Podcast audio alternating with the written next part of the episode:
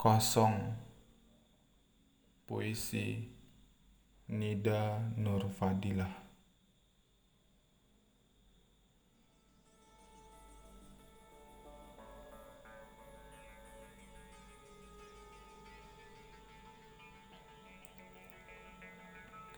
Asap menari di persimpangan.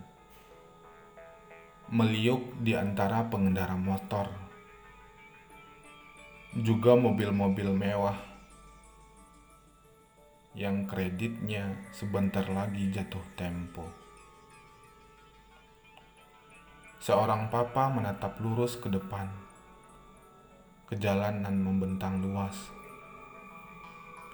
Ku cari pedalaman benaknya, hanya untuk tahu kosong.